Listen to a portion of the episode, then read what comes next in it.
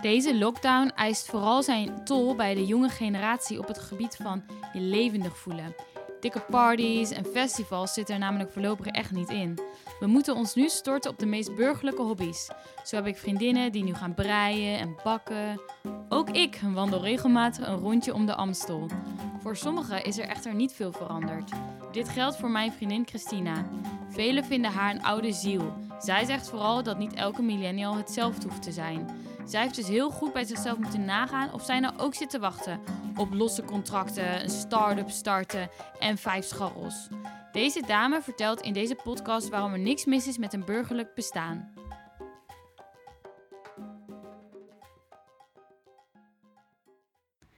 Hallo Christina. Hoi. nou, superleuk dat je in mijn uh, podcast wil zijn. Nou, we zijn natuurlijk uh, ook vriendinnetjes. We zien elkaar elk jaar wel weer. We komen elkaar altijd tegen tijdens congressen, conferenties werkdingen. Yep. En um, we hadden elkaar, nou, zoals gewoonlijk, weer een tijdje niet gezien vorig jaar. En uh, je vertelde mij dat je net verhuisd was samen met je vriend naar een kneuterige buurt. In een kneuterig huisje, waarbij je kneuterig en gezellig uh, leven viert met je vriend in je kneuterige supermarkt. en uh, ja, dat je eigenlijk het burgerlijke leven omarmt. dit is natuurlijk een podcast over millennials. En ik ervaar zelf een in Amsterdam vooral een anti-burgerlijke tendens. Dat mensen burgerlijkheid eigenlijk uh, ja, verafschuwen bijna. Het verwerpelijk, burgerlijkheid. Dus ik vind het heel interessant om met jou dieper in te gaan op de millennial struggles. En op, voornamelijk op fear of missing out. Uh, en ja, ik zou willen weten hoe jij uh, het leven ziet. Of jij van uh, middelmatig en rustig leven houdt. Want tegelijkertijd heb jij ook een dik cv. Dus uh, ja, het is allemaal een beetje paradoxaal. En tegelijkertijd daarom ook heel authentiek.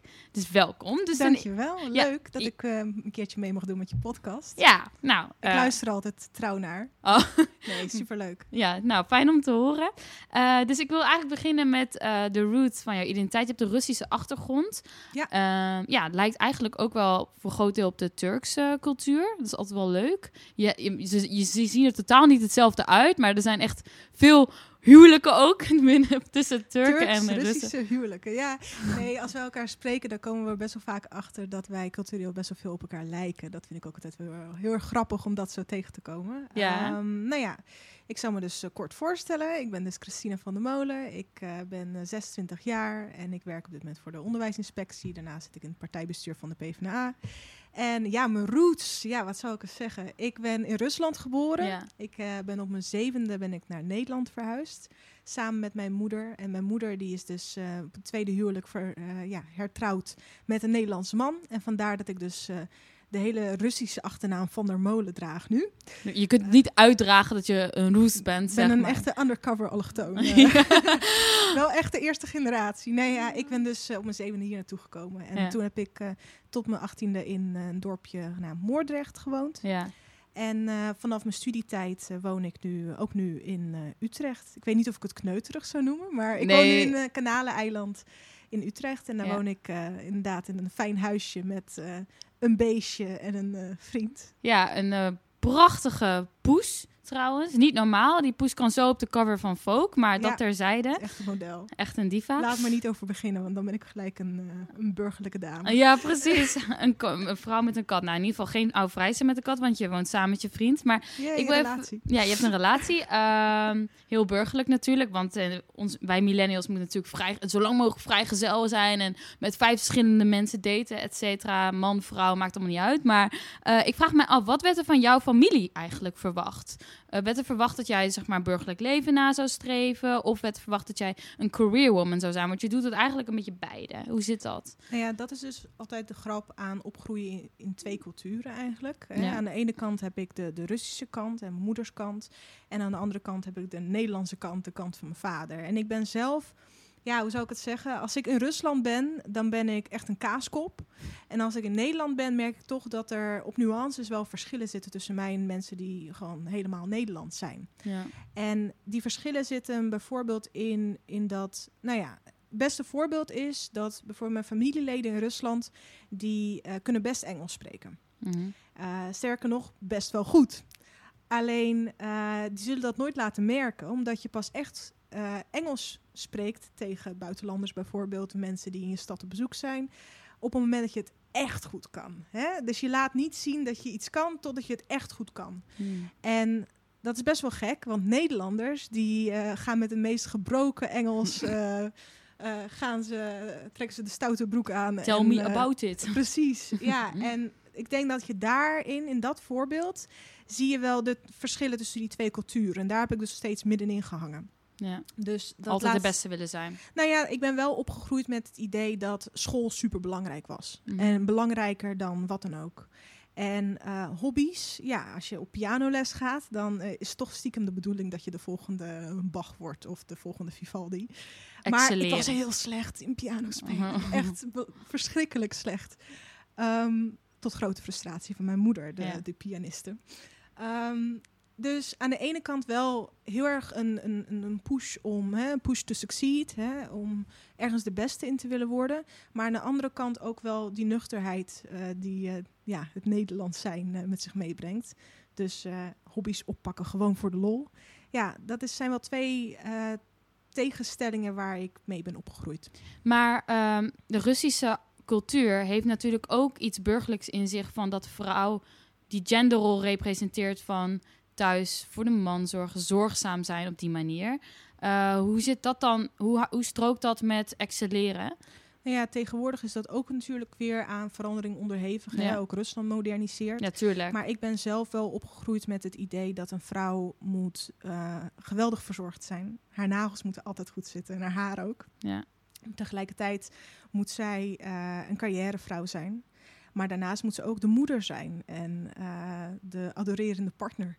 Mhm. Ehm, en dat is best wel veel om van een persoon te verwachten. Ehm, en ik merk dat eh, die verwachting, ja, daar heb ik eigenlijk helemaal geen zin om daaraan te voldoen. En ik denk dat dat ook wel nou ja, de levensfase is waar ik nu in zit. Van zoeken, waar hoor ik eigenlijk thuis en waar zit ik op dat spectrum? En ook daar ga ik daar nou ja, vandaag met jou over hebben. Maar ehm, had jij dat, die druk dus vroeger wel erg? Want je zegt in die levensfase ben ik nu dat ik daar scheid aan heb. Maar op het moment dat je da daar meer van aantrok, hoe was dat voor jou? Hoe ging je daarmee om? Nou ja, je groeit op in een bepaalde cultuur en ehm, hè, hoe zou ik het zeggen? Ik heb op momenten wel het gevoel gehad dat ik aan beide kanten moeite moest doen om te voldoen. Dus aan de ene kant moest ik casual genoeg zijn, zoals de, de, de Hollanders. Hè? De all-stars en Ja, de fans. Precies. Maar aan de andere kant eh, ook de strikken en de jurkjes en de hoge hakken. En, ehm, dus ik heb dat wel gevoeld en ik heb ook beide kanten wel heel erg verkend. Ja. Dus ik denk dat ja, mijn jeugd is wel heel erg te beschrijven in het snoepen van eh, beide walletjes. ja, ja, ja. Eh, omdat ik het gewoon niet wist. Ik weet niet of ik het nu wel weet, maar ja, ik blijf wel zoeken. Maar eh, een Russische vrouw heeft toch een soort van stereotype van sekssymbool en mooi en inderdaad gelikt. Had jij het idee dat je daaraan wilde voldoen toen? Ja, Je- in mijn tienerjaren ben ik daar wel naar op zoek geweest. Van, eh, hè, op momenten wel, op momenten niet. Dat is het gekke. Dat zou jij misschien ook wel herkennen tussen, in, in- tussen twee culturen in zitten. ja. Ehm, zoeken naar wat bij jou past versus eh, ja, gelijk grijpen naar wat anderen van jou verwachten. Want voorbeeld, ik heb eh, van mijn eh, ja, zevende of zo tot mijn zestiende op karate gezeten. En tot grote frustratie van mijn oma, want mijn Russische oma, de moeder van mijn moeder. omdat, ja, maar Christina, als jij op karate zit, dan word je op een gegeven moment heel sterk. En geen vent die jou dan ooit wil. Oh. En toen zei ik altijd, ja maar oma, als ik ooit met een man trouw, dan wil ik wel dat hij dat goed kan hebben. Hele intrinsieke waarde eigenlijk op dat moment, hè? Ja, weet je. Die je toen al had. En dat is ook weer, daar zie je dus op dat moment die culturele clash, Clash. ontstaan. Want aan Ja. de ene kant eh, hou ik nog steeds van jurkjes, hou ik nog steeds van hakken. Dat hield, daar hield ik vroeger ook van. Eh, alleen tegelijkertijd ehm, ja. wil ik ook weer andere dingen. En dat is dus steeds die twee touwen hè, die aan je trekken, die voel ik wel degelijk. Ja. He- Heel herkenbaar, want jij zegt dat zou je ook wel hebben. Want vroeger werd er altijd van mij verwacht eh, op Turkse verjaardagen of gatherings dat ik dan zou meehelpen in de keuken. Ja. Eh, terwijl ik, ja, ik was negen of tien of zo. En dat werd niet verwacht van eh, mijn mannelijke ja, familie, dus, dus mijn neven of mijn broer of whatever. En ik was daar heel erg rebels in. Van, ik had al heel vroeg door dat het oneerlijk is. Ja. Weet je wel, waarom moet ik als vrouw opstaan en iedereen bedienen en mijn broer niet? En terwijl ik van mijzelf heel zorgzaam ben. Weet je wel? Dus dat was ook een, inderdaad wat je zegt, een strijd. Van eigenlijk eh, ja, wilde ik cultureel daar niet in meegaan. Ja. Maar zelf ben ik wel zorgzaam. Eh, waar kies je dan voor of zo? Ja, probeer kerst maar eens een keertje met de familie mee te maken. Christina, kom je even naar de keuken? We moeten de hors serveren. ja, echt niet dat dat snel aan mijn broer gevraagd zou worden. En, maar ja, weet je, ik denk dat ehm, sommige echt Hollandse families zullen dat ook wel Ja, hebben. zeker. Alleen, ik heb wel het idee dat eh, nou ja, de cultuur, de culturele achtergrond waar ik vandaan kom, dat het daar nog wat sterker is. Dat die, die stereotype vrouwelijke eigenschappen eh, verzorgend zijn. eh, en aan de andere kant de mannen in de familie die stoer moeten zijn en vooral niet zoveel emotie moeten tonen. Dat, Ja. dat is zeker aanwezig. En eh, ik heb wel het idee dat ik nu nou ja, een, een way of life heb gevonden die bij mij past. En wat is dat dan? En dat is, eh, nou ja, ik heb eh, een vaste baan. Ik werk voor de onderwijsinspectie hier in Utrecht. Ik heb al bijna acht jaar een relatie met een hele leuke jongen genaamd Victor. Mhm. Ehm, ik ben daarnaast eh, partijbestuurslid in de Partij van de Arbeid, zoals ik net al heb verteld. En ja, wie ben ik? Ik ben een millennial die een vrij stabiel leven heeft. Ik hou wel degelijk van een dansje. Ik hou ook van een drankje. Alleen, hè, en daar hebben we het eerder over gehad, wat ook weer heeft geleid tot deze podcast volgens mij. Ja. Ehm, Die rit in de trein, hè, toen? die rit in de trein, Ja. ja. Toen hadden we het over van, ja, wanneer ben je nou een goede millennial? Toch het, het, het standaardbeeld van de millennial die je ook vaak in de media ziet. Ja. Dat is de, de, de jongere die in Amsterdam woont, in vaak een te dure eh huur, eh, appartement, noem maar op. Van vijf vierkante Ehm, meter. Van vijf vierkante meter. Eh, die reist, die gaat veel uit.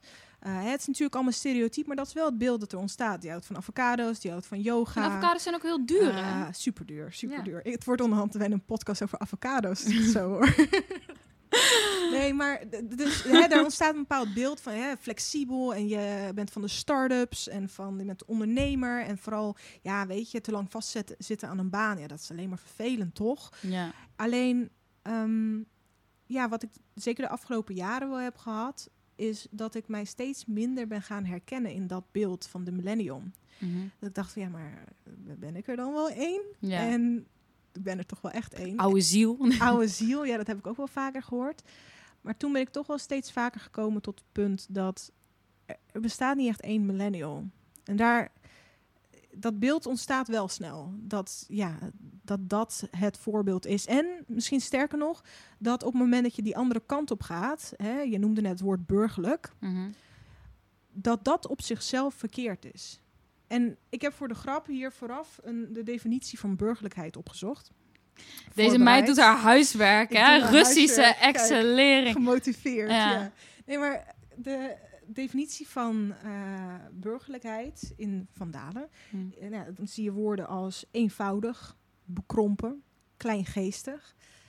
En Nou, ik vind jouw huis niet eenvoudig en bekrompen en kleingeestig. Als je hier om je heen kijkt, van alle culturen wat en eh, veel kleur. Maar goed, dat terzijde. nou ja, als je mijn Hm. ja, leven op papier zou zien, hè, zoals ik net ook heb beschreven, Ja. dan zou je misschien wel denken van, ah, dat is vrij, vrij burgerlijk, een huisje, boompje, beestje, en is dat dan eh, niet saai? Alleen, ik denk zelf dat ehm, eh, er heel veel soorten millennials zijn. En daar valt mijn soort van millennial zijn ook onder. Kijk, we moeten ons wel beseffen dat eh, dat, dat leven van het reizen en van, eh, van de start-ups en eh, van, van het vlot zijn, dat is ook niet voor iedereen.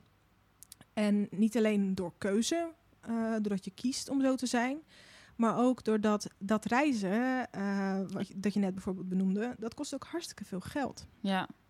En sommige mensen zijn al lang blij als ze een vaste baan hebben Mhm. of als ze een woning hebben. En dat Mhm. klinkt al gauw sad. Nee, maar sommige mensen die vinden dat ook gewoon prima. Maar die gele lifestyle überhaupt, inderdaad, niet alleen het reizen, maar die avocado's, er tip-top uitzien, die sportschool moet betaald worden. Je moet tegenwoordig ook een personal trainer hebben, dan ben je ook de shit, weet je wel. Ja. Eh, En, en wat ik vooral schadelijk vind aan alleen dat beeld, Ja. dat, dat vrij eh, ja, eentonige beeld, wat, nou ja, eentonig is misschien het verkeerde woord, maar eentonige dynamische beeld. nou ja, het standaard beeld van de millennial, Ja. dat geeft denk ik eh, millennials die daar niet aan voldoen, het gevoel dat zij gefaald hebben. Neem een voorbeeld, eh, een goede kennis van mij. Hij eh, is 26 en heeft tot zijn 25ste alleen maar werkervaringsplekken gewerkt. Hij wilde heel graag aan de slag in de psychologie, maar kon daar geen baan in vinden. Mhm. Ehm, en nu heeft hij sinds een jaar eindelijk een vaste baan. En heeft hij ook gewoon een prima appartementje. Alleen als jij eh, dat standaard beeld van de millennial bijhoudt, hij reist niet, hij gaat niet veel uit, ehm, dan, dan ontstaat staat gelijk een beeld alsof dat saai is of alsof dat minder is. Mhm. Andere vriendin van mij, zij is Engelslerares. Zij eh, heeft nu net een sociale huurwoning kunnen krijgen. En zij is er super gelukkig in. Mhm. Maar heb je dan gefaald? Ik heb soms, als ik dat beeld van de millennial zie, heb ik het idee alsof het antwoord daarop ja is. Ja. En daar ontstaat dus ook vervolgens FOMO uit. Hè? Eh, het idee van waarom heb ik dat niet? Eh, Mhm. is dat niet goed genoeg? Mhm. Terwijl ik veel eerder zou pleiten voor, nou, misschien kan je ook gewoon tevreden zijn met wat je hebt. Hoe heb jij dat ervaren, FOMO? Wanneer had je dat voor het eerst en hoe voelde dat dan? Poeh. Nou, ik heb dat wel op verschillende momenten. Ik heb dat soort momenten, ja, voor het eerst vind ik lastig. Maar ik had het laatst bijvoorbeeld dat ik met een goede vriendin van mij aan het praten was. En die had het dan over, eh, die is ook single. En eh, die had het over haar uitgaansleven. Mm. En eh, toen kwamen we ook weer op dat woord, burgerlijkheid. Dat zij ze zei tegen mij dat zij dat kosten wat kost wilde voorkomen. Dat zij burgerlijk zou worden. Ja, Ehm, en toen begon ik ook een beetje bijna aan mezelf... religieus. Bijna religieus, Mm. ja. En toen begon ik ook een beetje aan mezelf te twijfelen van... Van, van doe ik het dan verkeerd? Of, of zou ik misschien meer moeten willen reizen? Ik bedoel, ik hou best wel van vakantie gaan hoor. Maar een grote reis door Colombia maken of door Azië, dat, dat, dat hoeft niet per se. Ik, eh, eh, ik ga liever op vakantie in Griekenland eh, een paar weken. Dus, dus ik kreeg toen het gevoel van, ondanks dat zij dat zelf niet per se vervelend bedoelde, kreeg ik het gevoel van, god, maar zou ik dat, zou ik dat meer moeten willen? Is iets Eigenlijk- mis met mij? is er iets mis met mij? Ja. Ja. En ehm, ja, dat, daar ben ik toen over door gaan denken. En ik denk, nee, dat heeft mij uiteindelijk teruggebracht tot het punt van ja, ik denk dat er gewoon veel meer kleuren zijn eh, en smaken dan op dit moment vertegenwoordigd worden. Ja, want ik denk misschien zes jaar of zes jaar terug. ik ben echt het tijdsbesef kwijt. Eh, in de jaren zestig. in de jaren zestig was het natuurlijk veel, eh, ja, was een maatschappelijk idee heel sterk dat de vrouw huisvrouw moest zijn. En misschien wanneer vrouwen meer wilden dan dat, zouden ze ook aan zichzelf twijfelen van, is er iets mis met mij? En daarom vind ik jou, ja, bij uitstek kandidaat voor deze podcast. Omdat jij nu heel erg dat taboe doorbreekt van dat burgerlijkheid ook oké is. En wat ik heel interessant vind, zitten natuurlijk in die quarantainetijd. Ik ken mensen die echt heel lekker opgaan, omdat er geen FOMO meer is. Er zijn geen festivals, er zijn geen feestjes waar je per se bij moet zijn, weet je wel. Er zijn geen, eh, ja, eh, je wordt niet geconfronteerd met vriendinnen die eh, vijf mannen tegelijkertijd daten. Weet je wel? Daar word je niet mee geconfronteerd. Dat je dan ben, bang bent dat je iets mist omdat je al acht jaar een relatie hebt, weet je. Dus En- en hoe voelt dat me- voor jou? Ja, sorry dat ik je onderbreek. Nee, maakt niet uit. Nee, maar eh, en dat hoeft allemaal helemaal niet verkeerd te zijn. Geloof me, ik heb me een partij in de ronde gedate voordat ik mijn vriend vond. En dat was ontzettend leuk. Ja. En ik vind het ook ontzettend tof om die, die eh, sexy verhalen te horen van vriendinnen van mij over hun dates en over hun uitgaan. En daar is op zichzelf helemaal niks mis mee. Nee. Maar ik ben heel erg voor keuzevrijheid. En ik vind het wel eh, zonde soms als ik vrienden van mij zie die zichzelf, eh, en ik zelf ook, want ik ben daar voor, niet immuun voor, eh, die een gevoel hebben van, oh, eh, nu doe ik het niet goed genoeg of zo. Mhm. En eh, dat, is, dat is waarom nou ja, waarom ik hierover begin. Ja, want dat gevoel van tekortschieten inderdaad. En, ja, en dat vind ik zonde. Dat geeft mensen ontzettend veel stress. Onrust. En frustratie. En hè, er zijn genoeg artikelen geschreven over inderdaad ja, jongeren die zichzelf veel te vroeg voorbij lopen. En daardoor burn-out krijgen, omdat zij uh, en dat sociale leven proberen te bereiken. En die baan. En oh my god, ik heb nog niet de baan van mijn leven gevonden op mijn 23ste. Ja. Help me. Ja. Uh, ja, daar word je ook hartstikke gek van. Ja. En ik denk dat een aantal mensen echt een fijner uh, leven zouden hebben als zij uh, daar wat relaxed in zouden staan. Want je verliest ook verbinding, hè? Als je constant bezig bent met...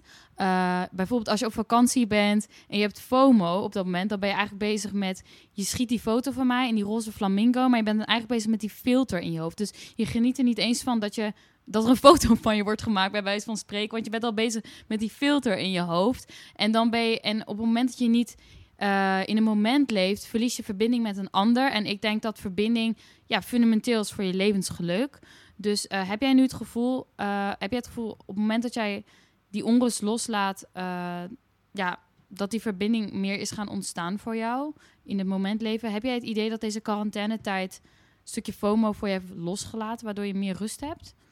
Oeh, dat zijn veel vragen. Ja, dat zijn veel vragen achter elkaar. Um, nou, misschien eerst een stukje naar voren. Ik ben.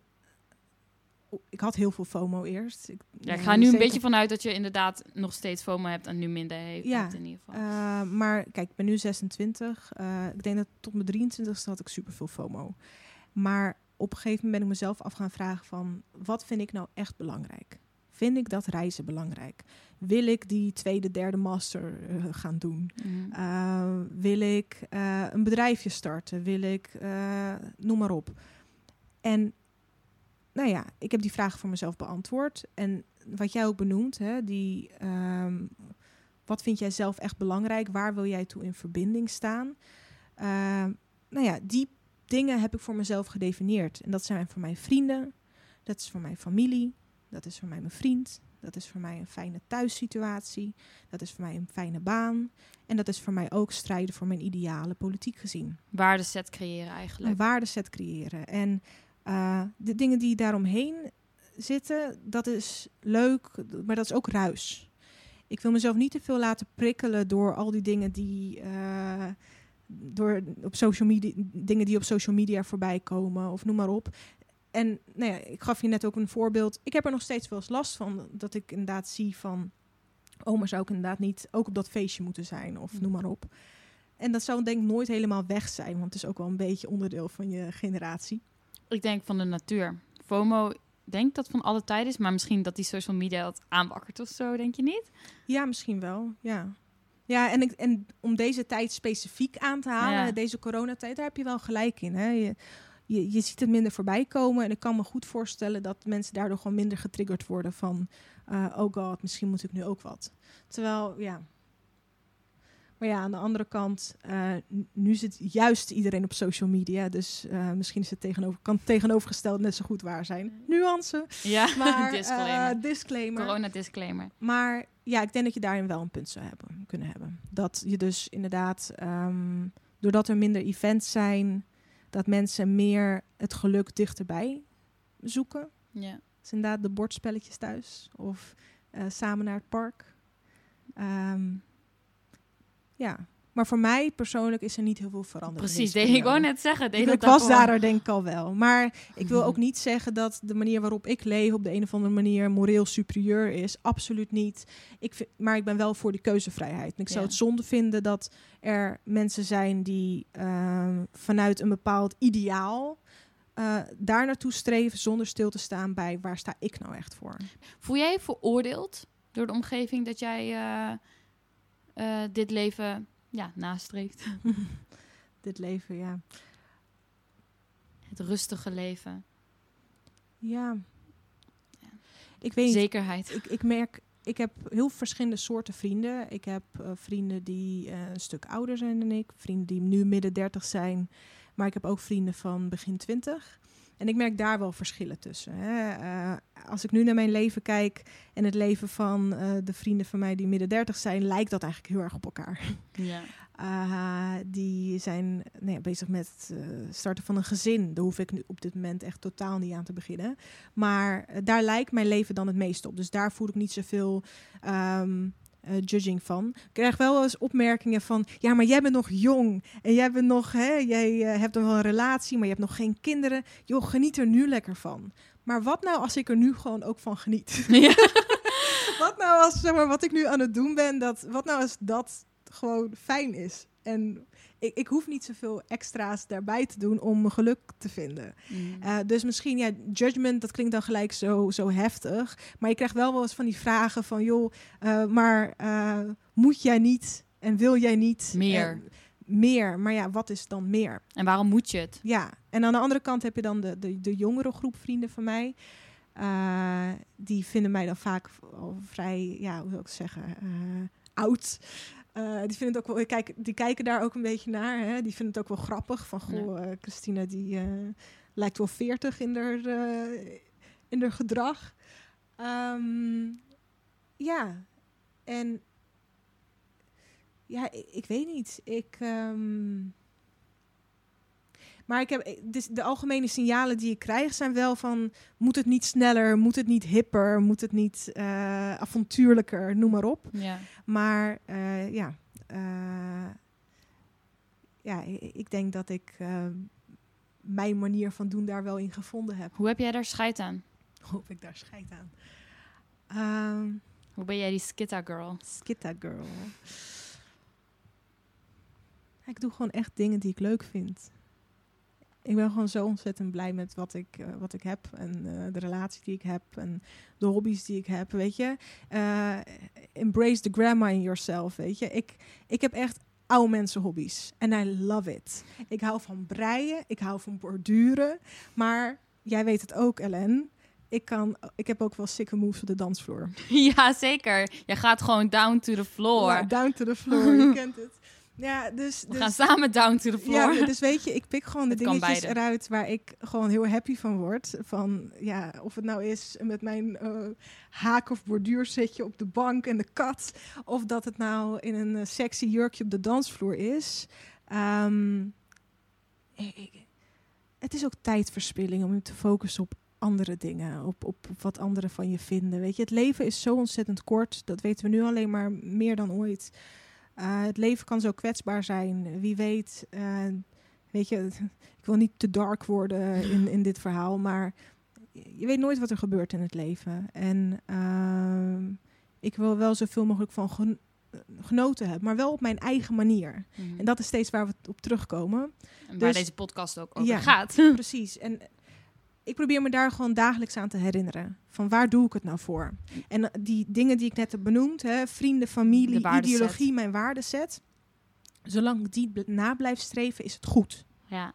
En als je jezelf daar vaak genoeg aan herinnert, um, dan, dan wordt dat ook jouw waarheid. Maar het is wel een kwestie van oefenen hoor, absoluut. Want raad je dat mensen aan om te doen, ten, tot slot? Om, zich, uh, om zichzelf te vinden en dat te behouden? Een soort van een, een, een, een, een, een, een, ja, hoe noem je dat? Een gram of zo? Of hoe zag dat eruit? Hoe schreef je dat op? Moet ik dat voor me zien, concreet? Nou ja, dat ik is wel een goede dat tip namelijk. Nou ja, ik heb um, vanuit mijn studie en ook nu vanuit mijn werk verschillende coachingstrajecten gehad. En wat ik daar heel erg in geleerd heb is, probeer eens in vijf woorden voor jezelf op te schrijven wat jouw kernwaarden zijn. Wat vind jij echt belangrijk? Wat, en niet zozeer wat verwacht de maatschappij van jou, wat verwacht je familie van jou, of wat verwacht je partner van jou, of je kat, weet ik veel. Mm. Um, maar schrijf een aantal waarden op die voor jou echt belangrijk zijn. En probeer daar zo concreet mogelijk in te zijn. En elke keer als je een keuze hebt uh, in je leven, van uh, of je na, naar een feestje gaat of, of uh, iets voor je carrière gaat doen. Uh, of wil je een andere baan zoeken, ja of nee?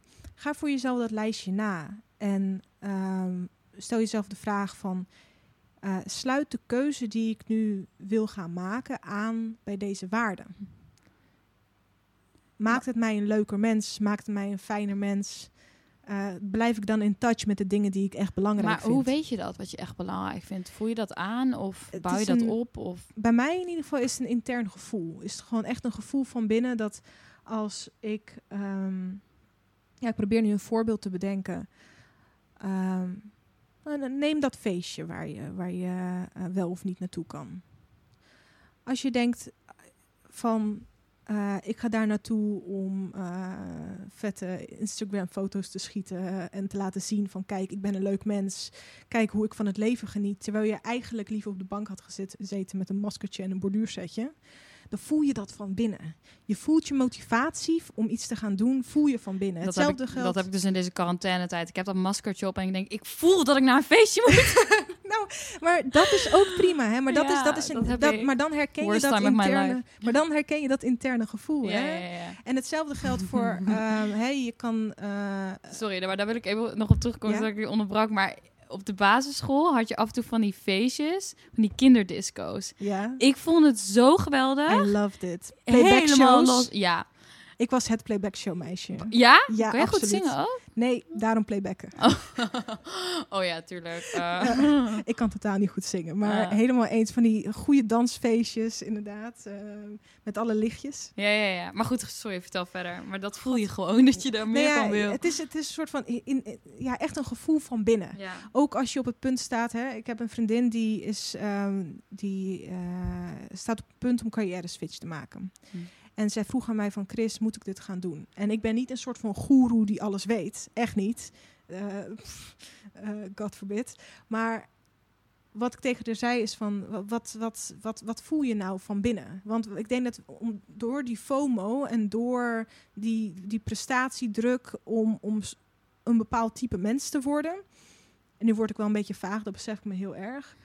We kunnen bijna op een yogamatje gaan liggen hier. inderdaad, zou wel heel erg goed aansluiten met het beeld van de millennial. ja. Hm. Ehm, raak je een beetje out of touch met wat jij zelf echt wil? Ja. Doe jij dit omdat... Neem je die carrière stap omdat het beter staat? Omdat je dat op je cv wil hebben staan? Of doe je dat omdat je daar echt wil zijn? Omdat jij elke dag als je naar die baan gaat denkt van... Ha, eh dat vind ik fijn. Weet je wat ik altijd apart vind met dat soort dingen? Mensen geven ook heel graag ongevraagd advies. Bijvoorbeeld, ik wilde naar Turkije gaan voor mijn Erasmus. Om ja, de taal beter te leren kennen, de cultuur beter te leren kennen. En het is best wel een cliché om naar Turkije te gaan als je Turkse roots hebt voor je Erasmus. Dus mensen dachten dat ik dat deed omdat iedereen dat deed. Maar eigenlijk wilde ik dat juist omdat ik dat Ja. wilde. En ik moest iedereen overtuigen. Ja, nee, je moet groeien. Je moet je breder ontwikkelen. Nou, dat vond ik voor mijzelf een bredere ontwikkeling om daar naartoe Ja. te gaan. En andere mensen zeiden, nee, dat stagneert je groei, je kent het al. Dat is het. Nee, dat, je moet dan heel goed bij jezelf te raden van, is dit iets wat ik dan zelf wil? Of en, en inderdaad, dan heb je het over gevoel. Het voelde zo sterk. Ja. Dus wat jij zegt, herken ik wel. Hoe ga je om met ongevraagd advies wat niet aansluit op je gevoel? Nou ja, wat jij net beschreef is eigenlijk authenticiteit. Ja, Hè? Eh, ben je authentiek aan jezelf? En ongevraagd advies, ja, hoe ga ik daarmee om? Ja, ik luister daarnaar. Kijk, en ik, ik bedank mensen meestal ook wel. Want als mensen me adviezen geven, is dat meestal omdat ze het beste met me voor hebben. Uh, maar ik ben ook wel heel erg scherp en du duidelijk in waarom ik iets wil. En dan stopt dat de discussie ook wel. ja, ja, ja. zeg maar. Ik, uh, ik maak een bepaalde keuze, ik ben daarin standvastig. En uh, ik bedank je voor je advies, want ja, dat, dat, dat uh, doe je waarschijnlijk uit liefde of sympathie voor mij. Uh, Of thanks. of uit bedweterigheid. Nee, grapje. Daar ga je inderdaad van de andere kant van het spectrum Mhm. uit, maar dat kan. Um, en dan weer door. Ja. Want mensen hebben daar niks over te zeggen. Het relativeren. Het relativeren en um, ook maar dat is misschien nog wel belangrijker dan dat hele gesprek met die ongevraagde advies, mensen die ongevraagde adviezen geven. Vervolgens, um, wanneer je weer je interne gesprek hebt met jezelf van, ja, maar wil ik het wel echt? Nou ja, gewoon dicht bij jezelf blijven. Hoe cliché dan ook. Echt, Ja. mijn hemel, ik heb het gevoel alsof ik in een of andere uh, vage, uh, hoe heet dat, van die uh, adviescolumns in magazines. Uh, in Linda. Linda, niks tegen de Linda. Nee, niks tegen de Linda. nee, maar uh, hè, blijf dicht bij jezelf. Het is wel waar. Ja, maar wat nou als je weet wie, wat, als, wat nou als je niet weet wie je bent? Als je on- al onzeker bent. Dan moet dat gewoon prioriteit nummer één worden. Waardeset. Dat uitzoeken en je Ja. waardeset. Ik denk dat iedereen van, di- diep van binnen, misschien moet je daar gewoon over gaan praten met mensen die dichtbij je staan. Ik denk dat iedereen diep van binnen wel een bepaalde waardeset heeft. Het hoeft niet allemaal super complex en eh, ingewikkelde woorden te zijn. Eh, het, het kan van alles zijn. Wat vind jij echt belangrijk? En kijk dan elke week naar die lijst. En, Turkije het nummer aan. 1. Nee, grapje. Wat zeg je? Turkije nummer 1. Oh wel, dat kan. dat was op dat moment mijn waardeset. dat kan. Jij houdt je mond, Turkije nummer 1. Oh wel. Eh, Kijk, dus ehm, ja, ik ben de draad een beetje kwijt. Nee, maakt niet uit. Ik zit ook soms te horen en dan, eh, Lekker ga, toch? ja, ga ik weg van het serieuze. Nee, Ehm, ja, ik denk wel eh, dat je begint met een waardeset. En dan kan jij die ongevraagde adviezen afweren, waardoor jij authentiek beslissingen kan nemen. Dat is wel een beetje de Zeker. kern van het verhaal, denk ik. Zeker. En, en ik denk dat ook eh, de andere kant van die kern van het verhaal is ook eh, authentiek aan jezelf zijn. En dat er meerdere soorten van millennials zijn. Eh, en dat het een in mijn optiek niet beter is dan het ander. Eh, maar dat je wel bij jezelf af moet vragen van oké, met welke motivatie doe ik A, B en C? Eh, en als die motivatie bij jouzelf vandaan komt, te gek. Ja. Maar als dat niet het geval is, nou ja, dan is dat ook weer iets anders om over na te denken. Want denk je ook niet dat je veel vatbaarder bent voor FOMO als je die waardeset niet zo concreet hebt? Ja, maar dan ben je aan het zwabberen. Hè? Precies. Dan ben je steeds aan het zoeken van, ja, moet ik hier niet iets van meepikken of daar? Dan ben je, dan ben je, het geeft ook ontzettend veel rust om Ja. gewoon te weten waar je voor staat. Dus de remedie, remedie tegen FOMO is, voor FOMO, is um, Definieer je waarde. Ja. Ja, je waardeset. Waar sta je voor? dat is de P van de van waarde. Kom je Oh er toch op terug?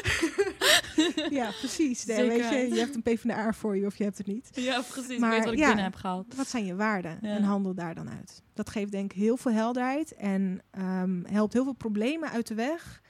Eh, als je eh, jezelf afvraagt of je ergens aan mee wil doen of niet. Noem maar op. Nou, prachtig levensadvies. Dankjewel. En dat op je 26ste. Zo, oude ziel. maar hoort erbij, hoort erbij. Ehm, ja, dan wil ik het zo afsluiten. Yes. Ja, eh, bedankt voor je tijd. Graag gedaan. En voor je Vond openheid. Superleuk. Dank je. Ja, ik ook.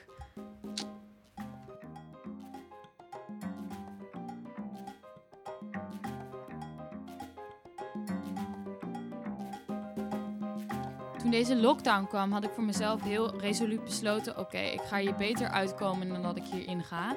Dus ik ben ook echt druk aan het sporten elke dag, maar ook ben ik bezig met mijn innerlijke eh, bezinning. Dus eh, ik, toevallig heb ik ook zo'n waardeset voor mezelf gecreëerd. Eh, moet je maar kijken op de website Levenskompas, of bij Google in ieder geval intikken Levenskompas. Daarbij kan je heel gestructureerd en heel helder voor jezelf een waardeset creëren. Mij heeft het echt heel erg goed gedaan. Eh, het, het geeft je een soort van kaders over hoe jij je leven wil inrichten. Dus dit is wel echt het moment om ja, diep te gaan duiken in je ziel. En als je daar tools voor nodig hebt, want iedereen zegt wel tegen je, ja, bezinnen dit, bezinnen dat.